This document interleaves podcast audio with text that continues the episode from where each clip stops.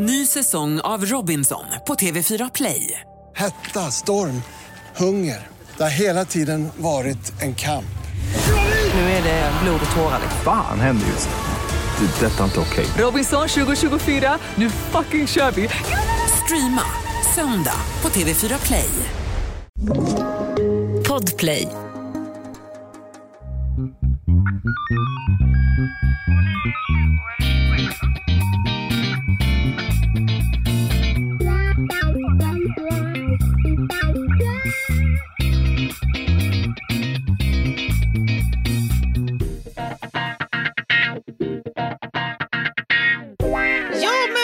Välkomna till veckans spaning med mig, Anna Jinghede, Lena Ljungdahl och Meta. Den jäveln, höll jag på att säga. Brodde. Den ljuvlige. Den ljuvlige Brodde. Ja. Ljuvliga. Ja, Brodde. väl, välkomna allihopa. Det är måndag igen. Ja. Ja. Hur kan det vara ni- måndag så ofta? Alltså, det är helt obegripligt. Måndag hela veckan. Eh, Och, och det är ju inte måndag när vi spelar in utan det är ju faktiskt torsdag kväll. Ja, sent. det är det. Om sanningen Och ska jag kan fram. säga att den här, veck- den här veckan går fan till världshistorien för mig. Mm. Förstår Ja. man? Al- Alltså om man bara tar, jag har ju börjat för mig själv mest sammanfatta på Instagram varje fre, eller fredag, lördag, söndag någonstans där, veckan. Bara för att lite så här retroperspektiv eh, och, och sammanfatta. Också för att folk tycker att det är så himla flummigt vad vi egentligen håller på med. Mhm. Borde Men jag, den här betyder veckan- det att jag också borde göra det, menar du? Eller? Nej, men du kanske du håller lite mer i, ett, i en gren. ja. Du har ju ett, Ja. ett jobb. On, on your day job. Nej, men i, i, den här veckan så tror jag att jag liksom... Ja, man bara, var är jag idag? Just det, jag är i Västmanlands tingsrätt och utbildar. Idag då? Karolinska institutet. Idag då? Jag är i Malmö på en gymnasieskola. Var är jag någonstans? Var ska jag? Varför, varför står jag i den här Ah, djungeln? Gud, Så har jag känt mig. Och därmed har jag också sträckt mig insida lår och fått nackspärr som ett brev på The Post. The Post. Det låter som en kanonkombo, insida lår och nacke. Ja, Har Ja. du anammat en ny gångstil? Ja. Ja, absolut. Det ser ut som jag skiter på mig faktiskt, om vi ska tala klarspråk när jag går. Och har fått puckelrygg. Men Ah. vad tusan, hur mår du Anna? Jo, men jag mår ju helt okej. Själv har jag ju brottats med en så kallad trokanterit en vecka. Men den börjar Mhm. plana ut nu, så att jag, jag mår bättre. Jag hade en tuffare förra veckan rent kroppsligt. Ja. Så. Men ehm, nej, men jag har också haft ett galet tempo ett tag. Alltså Ja. det, och folk frågar i min omgivning så här, men eh, kommer det aldrig lugna ner sig? Jo, jag tror nog det blir lite lugnare i vår, säger jag. Ja, men det har ju du sagt de sista tio åren. Jag börjar själv inse att nej, det kommer Nej. inte att bli. Fast vi börjar också låta lite som en blandning av PRO och Die Hard. Ja. När vi i början på avsnittet jämför krigsskador, Just det, krämpor ja. eh, ja, krämpor och medicinska tillstånd. Välkomna till Krimpoddarnas krimpodd, säger vi, alla nya lyssnare. PRO-podden. Ja. Ja, men Nej. de får den hårda sanningen bara. Jag, är, ja, i jag vill inte vara en sån fick- där som, som skyltar upp i mina medier bara det vackra. Livet är Nej. inte vackert jämt. Nej, nej det, det, det vet vi ju. Mm. Men, och det var, men det var på ett sätt vackert i torsdags. Vi fick jättemycket kärlek för eh, avsnittet. Det visste ju jag. Mm, det visste du.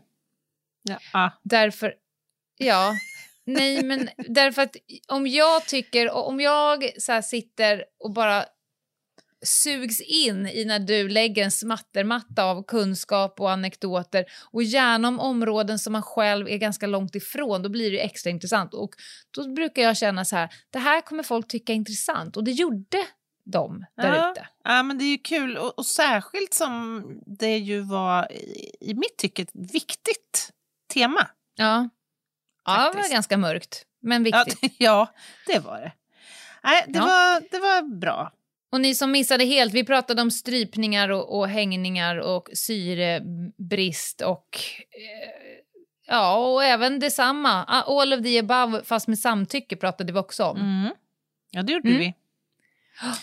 Nåväl, vi. nu ska vi Mm. spana. Nu ska vi spana. Är du beredd? Ja. Nej. Eller... Jag ser att den är 3 minuter och 37 sekunder Men lång ser jag här på min datamaskin. Nu åker vi. Åh, det kommer inte kommer bli något hon. enkelt Kära publik. idag. Varsågoda.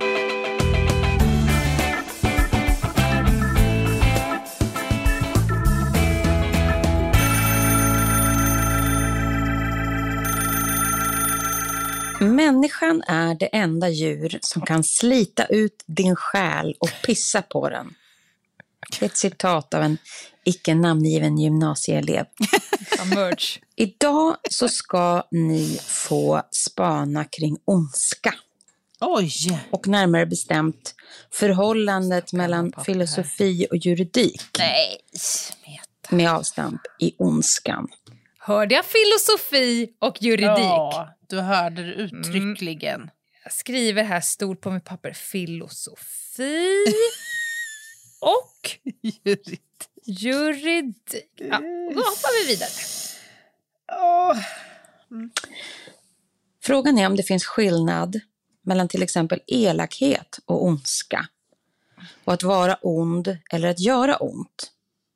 Det här är ju en filosofisk fundering som har dryftats under väldigt lång tid. Filosofin och filosoferna har länge varit upptagna med resonemang om just ondska. Och försökt komma fram till olika typer av ondska. Man har kommit fram till att det finns en demonisk definition av ondska. Det är när man menar att man gör andra ont just för att det är ont. Alltså sadismen. Man upplever att göra andra ont som njutningsfullt. Sen finns den instrumentella ondskan då man gör ont för att uppnå någonting annat. Alltså det är inte själva ondskan och handlingarna i sig som är njutningsfulla. Man får faktiskt inte ut någon njutning alls av att göra ont, men man gör det ändå för att uppnå någonting annat som man tycker behöver bli uppnått. Sen har de den idealistiska ondskan, där man gör något ont i tron att de gör något gott. Traditionellt kan man titta på de här kristna korstågen. Man gör ont, men man tror att man gör något gott när man omvänder andra personers religion. Eller när man tvingar homosexuella personer att genomgå omvändelseterapi. Man tror man gör något gott, men man gör ju faktiskt någonting ont. Och sen finns det den dumma ondskan, där man helt enkelt brister i reflektion. Man förstår inte att det man gör är ont. Och det finns tusentals människor, tunga filosofer som har funderat på vad orsakerna till ondskan hos människan skulle kunna komma ifrån. Redan de gamla grekerna, Sokrates och Platon, men det fortsatte med Kant och Schopenhauer och Freud och Lorenz. Och Fan, hon är fire. också naturvetenskapliga herregud. förklaringar, försöka hitta något i, i biologin, i hjärnan, i människans beteenden. Och till och med testat det här med etiskt tveksamma händelser som till exempel milligramexperimentet. Försöka hitta orsakerna till ondska. Och ni som polis och kriminaltekniker har ju fått syssla ganska mycket med att hantera resultaten och effekterna av onda handlingar. Och nu är ju min fråga till er, för att backa tillbaka till ursprungstanken, förhållandet filosofi och juridik. När blir en människa ond? Blir hon ond? Eller är det en räcka av onda handlingar och man kan inte säga att människan är ond? Finns det onda människor? Det vill jag att ni ska resonera kring idag. Lycka till! Jesus. Åh, ge mig ett piller alltså.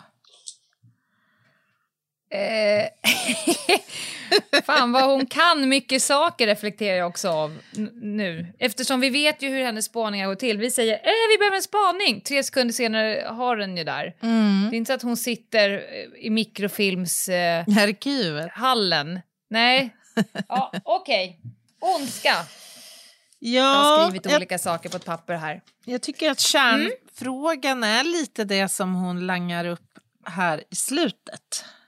Mhm. Alltså, så här, jag tror att de flesta förhåller sig till begreppet ondska som en handling orsakad av någon annan som vill liksom orsaka en annan människa lidande. Vi förhåller oss till ondska som något grymt, något oempatiskt och, och liksom hårt. Men jag tycker hon har något där när hon, när hon ställer frågan om det faktiskt är fråga om onda handlingar eller om det är människan bakom dem som faktiskt är ond och ondskefull. Och, och framförallt om de kan, sär, alltså kan man särskilja de här båda. Eller går ihop på något vis. Ja, jag, jag tänkte... Eh, ibland när människor vill låta fina, vi eh, inkluderas nog i den kontexten. Hej Doris, har du varit ute på promenad? Eh, fick en blöt nos. Eh, så. Då, då tror jag ibland att folk säger så här, ah, men man måste kunna skilja på person och handling. Det har ju du och jag också sagt. Vi tycker att det är fundamentalt eh, om man till exempel ska jobba som polis. Att, Och också en framgångsfaktor om man till exempel ska hålla förhör med en person som har gjort en ond handling. Så hjälper det inte om man sitter och behandlar den här personen som en ond person därför att den kommer känna det och inte säga någonting. Men om jag ska rannsaka mig själv eh, ordentligt Mm. Nog fan har jag eh, stundom, då lika så nu, eh, svårt att ibland skilja på en handling. Jag kan inte, en människa som varje dag i sitt hem spör skiten ur sin partner. Mm. Jag, jag kan inte vara den som person som säger det här är en fin person Nej. som bara gör en serie av onda handlingar. Det är en ond jävel. Mm, Sen varför den har blivit det, det kan vara samhället, barndomen, sjukdomen eller medicinen. Men det är fan en ond jävel och inte bara handlingar som onda, gjorda av en fin person. Nej, men alltså, det går inte alltid att separera dem, Nej. tycker jag. I mitt men jag- känsloregister. Mm, jag, håller, jag håller med, för lite är väl den springande frågan också när en handling blir ondskefull. Alltså, sen när övergår den till att bli ondskefull? Jag, tänk, så här, jag satt och funderade så här, tänk, tänk om en snickare går in på den lokala eh, jourlivsbutiken. Och där står, ja, jag, jag målar upp ett scenario nu.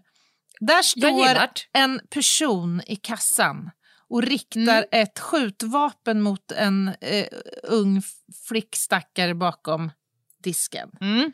Gunilla. Gunilla. Han har redan, Mm. vi, vi kan addera att han har skjutit en kund i butiken som ligger och skriker ut sin smärta. Och nu riktar han, Han alltså begått då, en ond gärning. ja, och nu riktar han alltså pistolen mot huvudet på kassörskan och är helt tokig. Om nu snickaren tar upp ur sitt lilla hölster sin kniv Mm. och Jocke kör in den i ryggen på den här Mm. Pistolkillen. Det är briljant. Det är ganska briljant. Jag skulle säga att det är briljant och det är också juridiskt korrekt för han har övertagit en annan Någons persons nödvärn. nödvärnsrätt. Mm. Ja, och utnyttjar sin egen, och, det, och där finns ju en ansvarsfrihetsgrund, det vi pratat om. Men, men om Jocke med kniven skulle göra det random ute på stan, då är det ju handlingen ond. Verkligen. Verkligen. Men jag Ja. menar, i första exemplet, det förhåller man sig ju inte till som på något endaste vis ondskefullt. Nej, ett hjältedåd. Ja, det är snarare liksom godhetens kraft som har tagit vid. ja, men det är det ju. Det är ja, det ju. ja, jag är, för- ja, absolut. Men alltså, för jag är ju inne på att alla, alla människor kan begå ondskefulla handlingar. Hur många gånger, Lena Ljungdahl, under din polisiära karriär har du hört till exempel Men gud, han som verkar så normal och vettig och var så kärleksfull.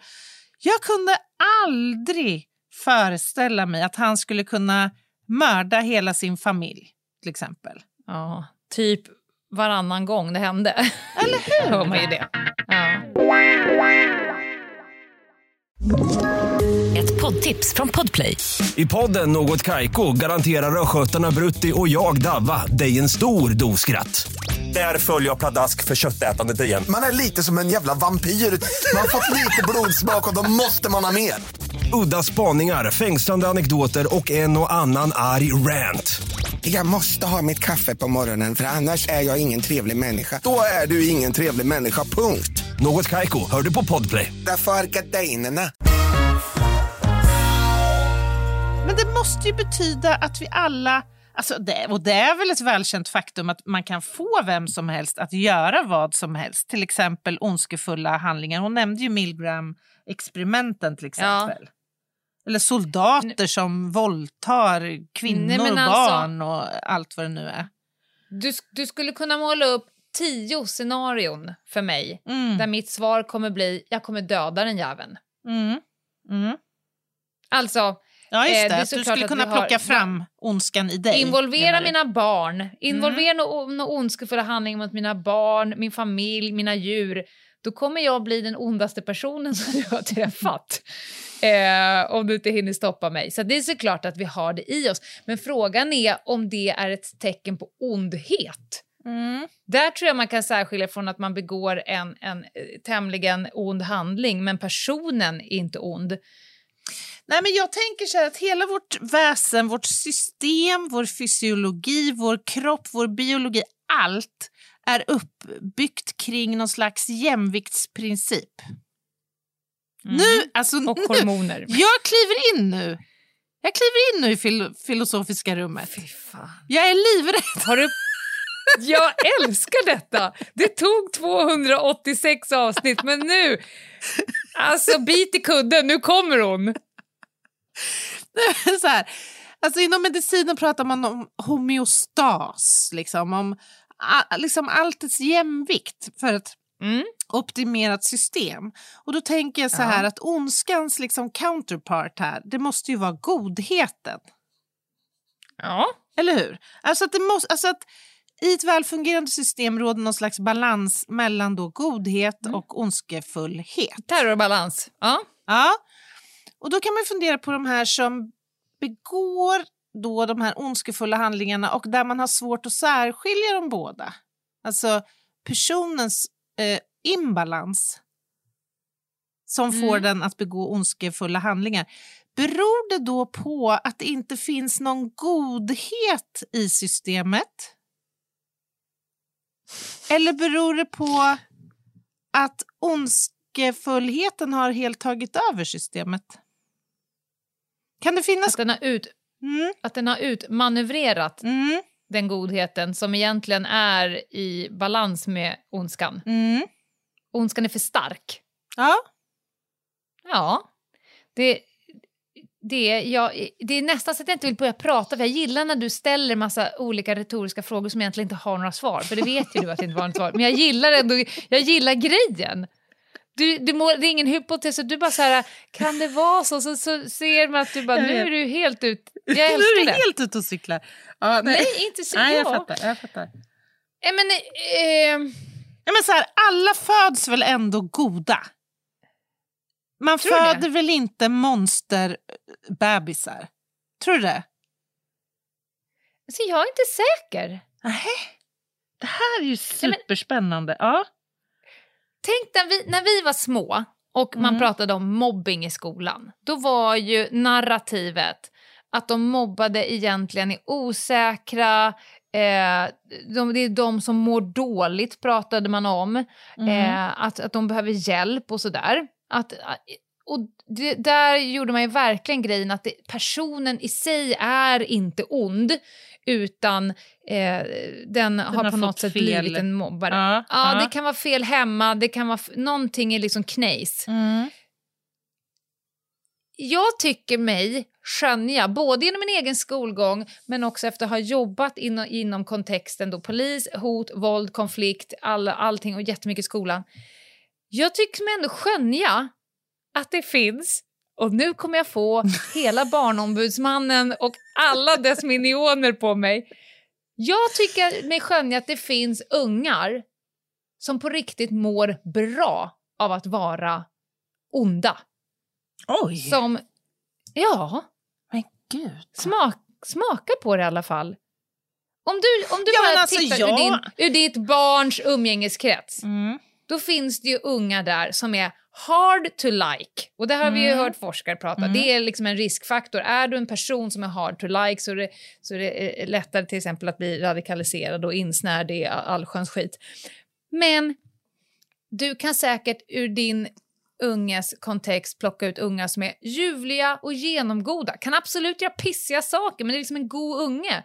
Och så finns det barn som verkar tycka att det är rätt nice att vara onda. De mår bra av, de mår på riktigt bra av att trycka dit en annan person.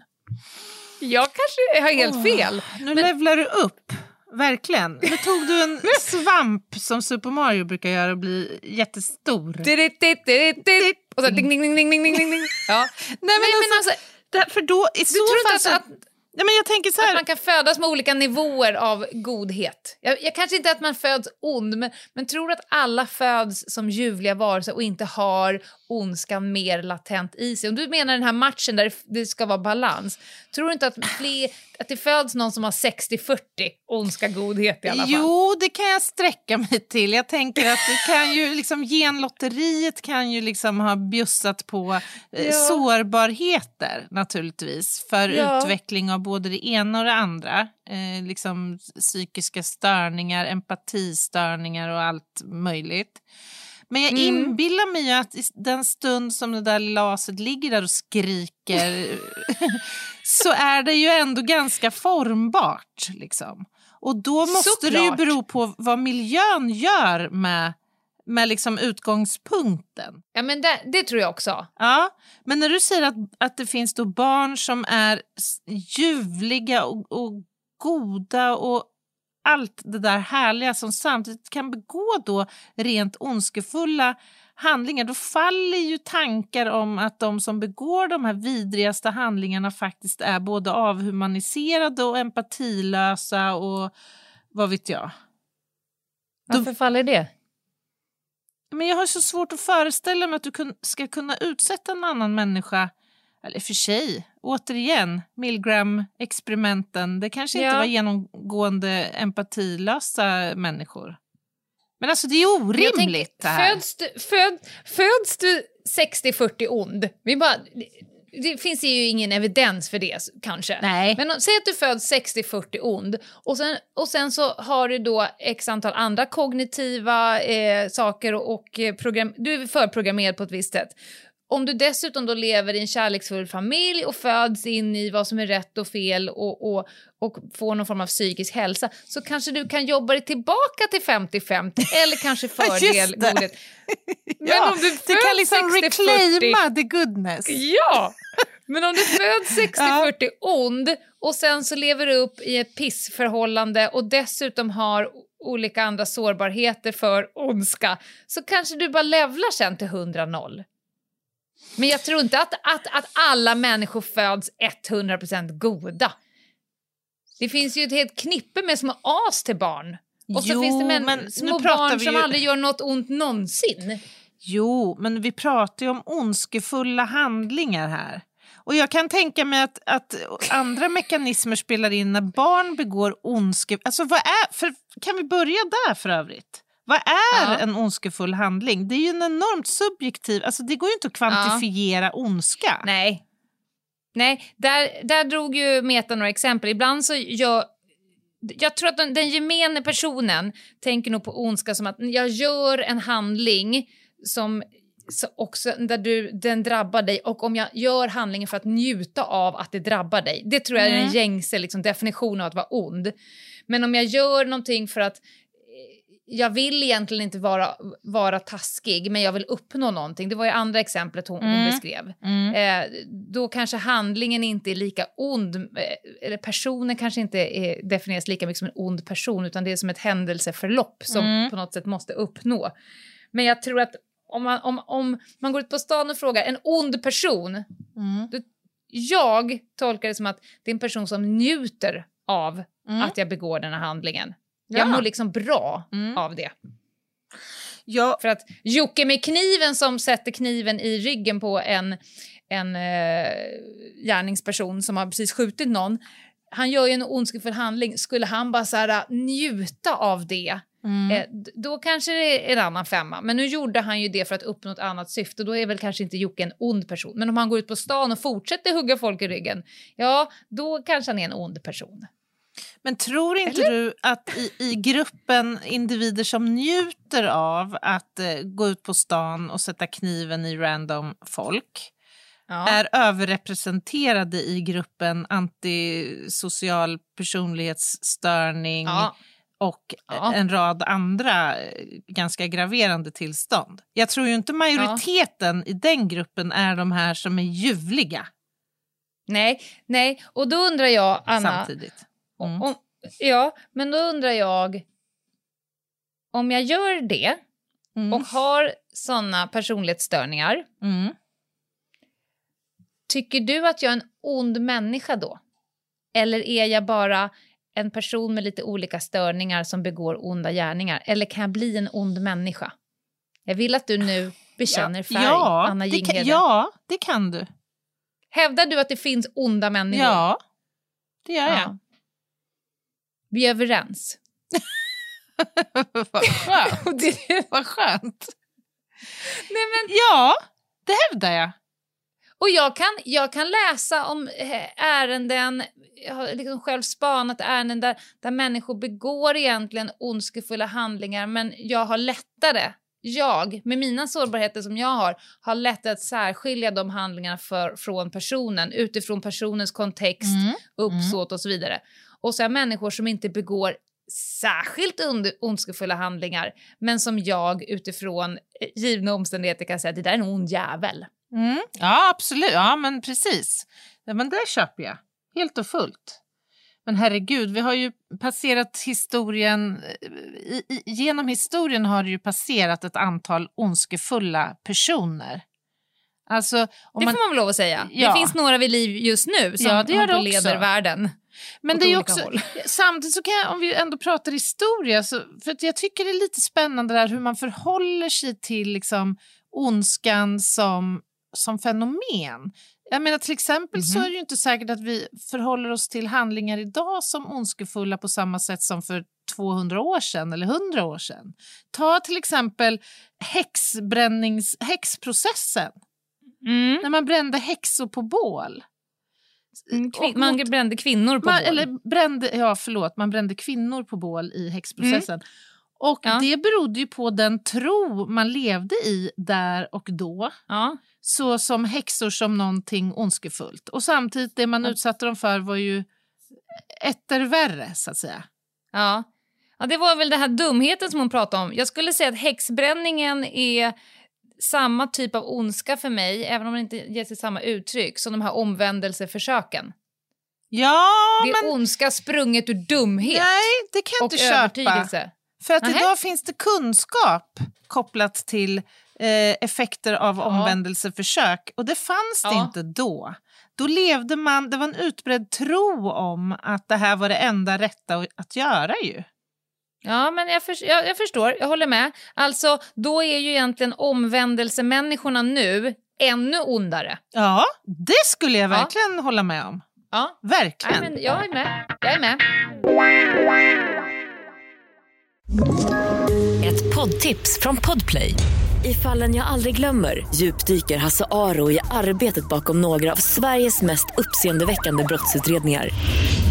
Går vi in med hemlig telefonavlyssning och, och då upplever vi att vi får en total förändring av hans beteende. Vad är det som händer nu? Vem är det som läcker?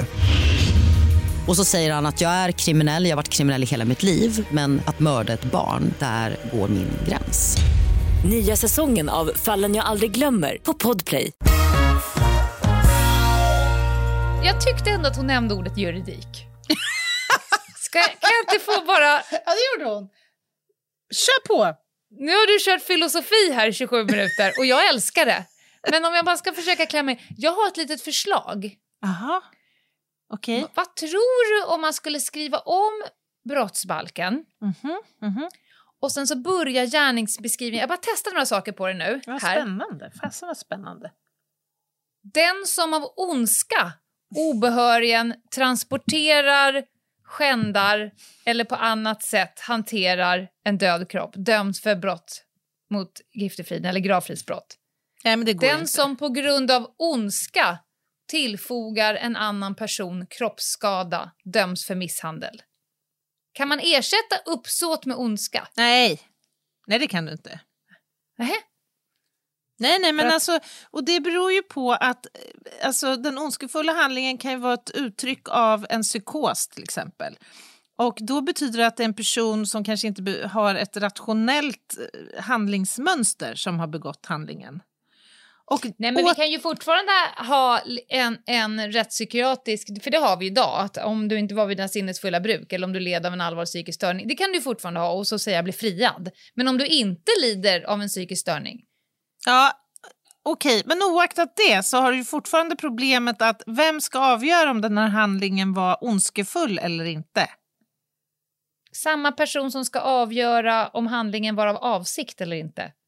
Det vill säga rätten. Ja, Det är ju redan idag... Jag, Jag bara- inbillar jag att pressar det jag inbillar mig att det är betydligt lättare att avgöra än om en handling är ondskefull eller inte. För att om, om vi skulle få 20 scenarios presenterade för oss så är jag inte säker på att vi skulle vara överens om alla 20 om att alla 20 är ondskefulla. Nej. Jag, jag, jag pressar dig nu, Anna. Ja, men Ja, jag jag älskar det. av den enkla att i, i rättssalarna idag, folk tror ju att det finns ett facit, men, men juridik är ju en, en bedömningssport.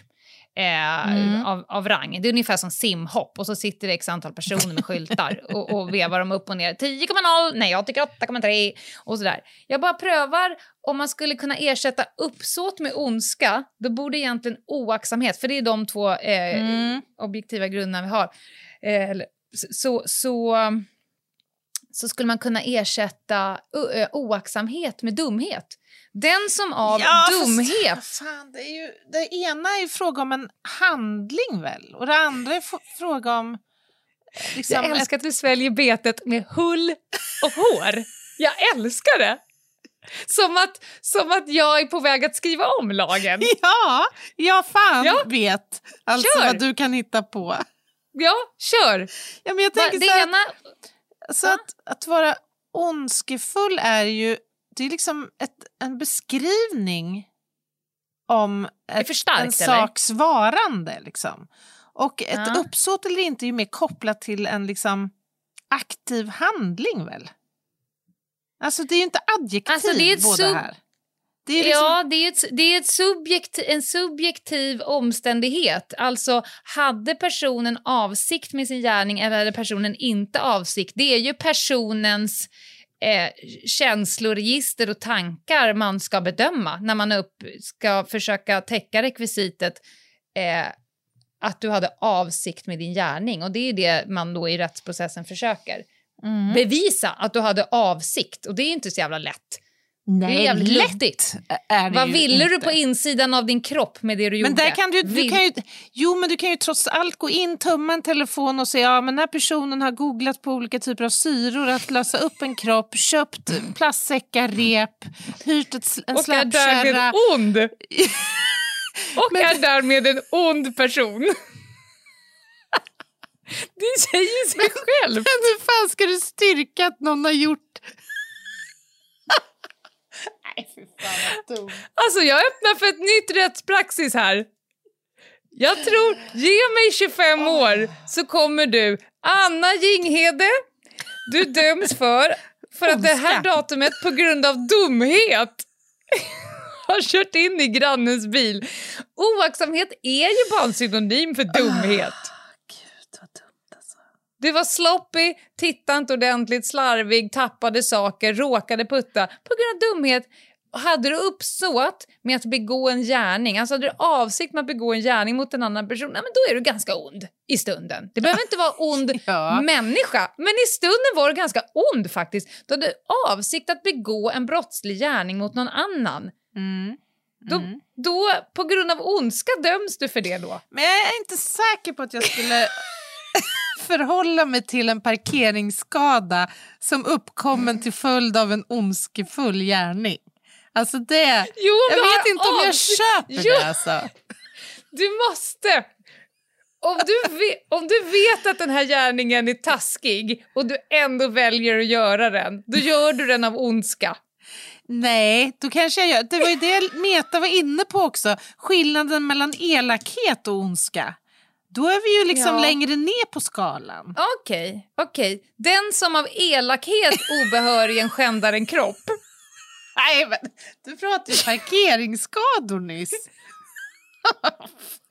Tycker att jag blandar äpplen och päron här? Ja, nu, ja, du jonglerar med hela fruktskålen. Ja, jajamän. Ah. Okej, vi kommer kanske inte längre, men jag tycker ändå att du ska smaka på det. Ja, Vi gör som vanligt. Du sover på det. saken och tar ett glas vin. Ja, det är nog så det får bli. Men det här, alltså det här är ett otroligt fascinerande ämne och tema. För det är ju något som de allra flesta i mitt och ditt före detta skrå funderar på Ja. dagligen. Och det, det fascinerar och det eh, är läskigt och det är Ja. Ogreppbart många gånger. Ja. Var ondskan vad den kommer av och vad som kan få en människa att begå de mest bestialiska och uppenbart ondskefulla gärningar. Och särskilt när det gäller individer som har varit högst välfungerande, omtyckta, socialt etablerade, allt det där. Det är en gåta, Mm. det är ett mysterium ju. Vad kommer det av? Vi får ta en spaning till på samma ämne Det får vi göra. någon gång. Jag måste Ah. säga en viktig sak. Jag har ett VMA Okej. som är faktiskt väldigt, väldigt, väldigt, väldigt viktig. På förekommande anledning. Okej. Om du har en ungdom i din omgivning som vejpar, Mm, mhm. Mm. Om du har Förklara vad, vad det är, för det kanske inte på alla s- suger på de här jävla pinnarna med rök som inte är cigg. Just det, som har olika smaker. S- Jordgubb och allt vad det är. Om, om du har en unge som också inte har en välutvecklad frontallob, det vill säga om du har någon i din kontext som är typ under 25 och vejpar, så skulle jag vilja säga så här. Det är absolut livsfarligt att vejpa cannabisolja. Jag säger det nu på förekommande anledning. Du blir, kan bli askgrå, få stora pupiller, icke vara med medvetande, inte ha någon form av smärt... Eh, känsel överhuvudtaget och få åka ambulans. Och eh, det är så här att ta ett snack med era ungdomar. Vejpar du? Ja eller nej? Har du någonsin tänkt tanken på att stoppa in någonting annat än det som är menat i de här? Så vill, så, det är lika farligt som att boffa bensin skulle jag säga. Mm. Så, och det, eh, jag bara säger så här starkt nu, för vi har haft ja, ett ärende med, med liksom när bara flera ungar trillar av pinn i en Nej, men skola på gud, skoltid. vad otäckt. Ja. ja. Och det är för att det här det blir, bildas ånga, va? Eller det, det går fort Ja. upp i hjärnan på något sätt. Ja. Det är det som är grejen, Ja. antar jag. Mm. Äh, Gör inte det. fasen, sluta upp med det där genast. Mm. Ni som håller på också. Ni är onda mot er själva. Ja, det kan man verkligen säga. Mm. Bra, Ja, det var bara det. tack Meta. Tack Lena. Mm. Mm, tack, Tack alla ni som lyssnade. Eh, och ni kanske lämnas med massor med frågor efter den här spaningen. Det har jag full respekt för. Då går det bra att eh, kontakta oss på hej Ljungdahl och Ginghede.se eller varför inte i, på Instagram på Ljungdahl och Ginghede-sidan där. Det var väl jättebra. Och på torsdag är det väl case-torsdag va? Ja, det torde det bli. Ja, case-torsdag. Då ska vi Får gå ner i de historiska arkiven och leta rätt på ett Mannen till vänster fall. på bilden är klädd i en slokhatt. Ja, Ha det bra! puss och kram på er. Puss! Bye, bye. Bye!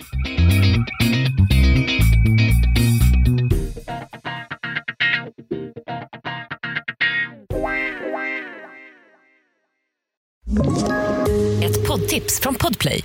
I podden Något Kaiko garanterar östgötarna Brutti och jag, Davva, dig en stor dos skratt. Där följer jag pladask för köttätandet igen. Man är lite som en jävla vampyr. Man har fått lite blodsmak och då måste man ha mer. Udda spaningar, fängslande anekdoter och en och annan arg rant. Jag måste ha mitt kaffe på morgonen för annars är jag ingen trevlig människa. Då är du ingen trevlig människa, punkt. Något Kaiko, hör du på Podplay. Därför arkadeinerna.